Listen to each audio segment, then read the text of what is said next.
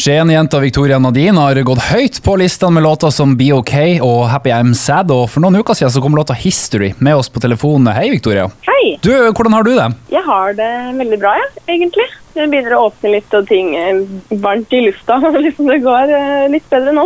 Du, eh, De låtene som du har gitt ut, eh, det høres ut som du synger om kjærlighet. Ja.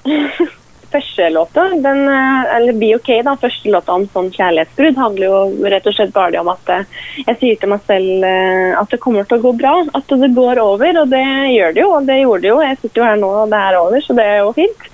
Og den andre låta, den var liksom mer om den, den følelsen av å, å bruke så lang tid på å åpne seg. Eh, for det har jeg alltid hatt veldig problemer med, å åpne meg til en eh, en jeg liker på et dypere level. da. Eh, og så når jeg først gjør det, så har det alltid vært da de drar. Så det er veldig trist. Men eh, ja, så det er egne erfaringer alle sammen, da. Ja, Og i låta History er det litt sånn mimring, da, eller? Ja, det blir jo det. Men hvordan fortsetter du eh, med, med musikken nå fra, fra History? da? Hvordan, eh, hvordan går kjærlighetslivet ditt? ja, kjærlighetslivet mitt det, Kjærlighetslivet mitt, det går jo eh, ikke sånn eh, superbra, men det går bra. hvis du skjønner. Jeg er ikke i noe forhold og vil heller ikke være det, og trives veldig godt som singel. Så det er jo fint. Men, men når du skriver musikk, eh, så jeg regner med du får, får følelsen at det blir som terapi å, å, å skrive musikk eh, til kjærlighetslivet. Er det noen andre plasser du henter inspirasjon?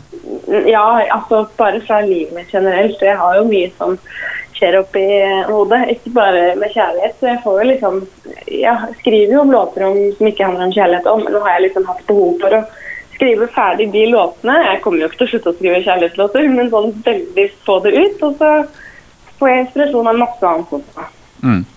Hvordan er responsen på musikken? Hva, hva sier fansen? Responsen er jo på en måte, den er så, så stor og veldig overveldende. Da jeg får så masse fine meldinger om at musikken min hjelper, og at de hører på den. og det er jo liksom jo alt jeg har drømt om med musikken min, så jeg kunne ikke bedt om noe bedre. Mm.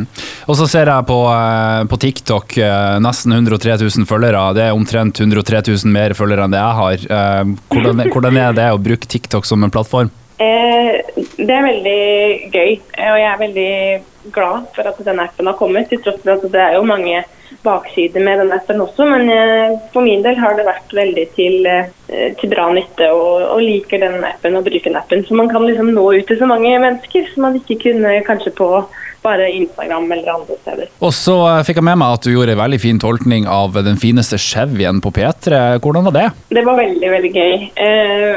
Jeg elsker jo å synge på norsk, så, så det var liksom gøy å kunne gjøre det litt sånn offentlig, selv om ikke det var så veldig sånn formelt, på en måte. Så det er en veldig fin låt, og det var en veldig fin opplevelse å få synge den der. Og til slutt, eh, hva er planene for sommeren? Skulle ønske jeg kunne si masse festivaler og opptredener, men det kan jeg ikke. Men eh, altså, det blir jo masse, masse jobbing i studio og produsere låter til det åpner igjen og man kan synge det live. Forhåpentligvis noen få livekonserter. Og så prøve å kose meg litt også. Eller jeg koser meg når jeg lager musikk, men liksom sånn utenom musikk. Da sier jeg Victoria Nadine god sommer. Takk i like måte.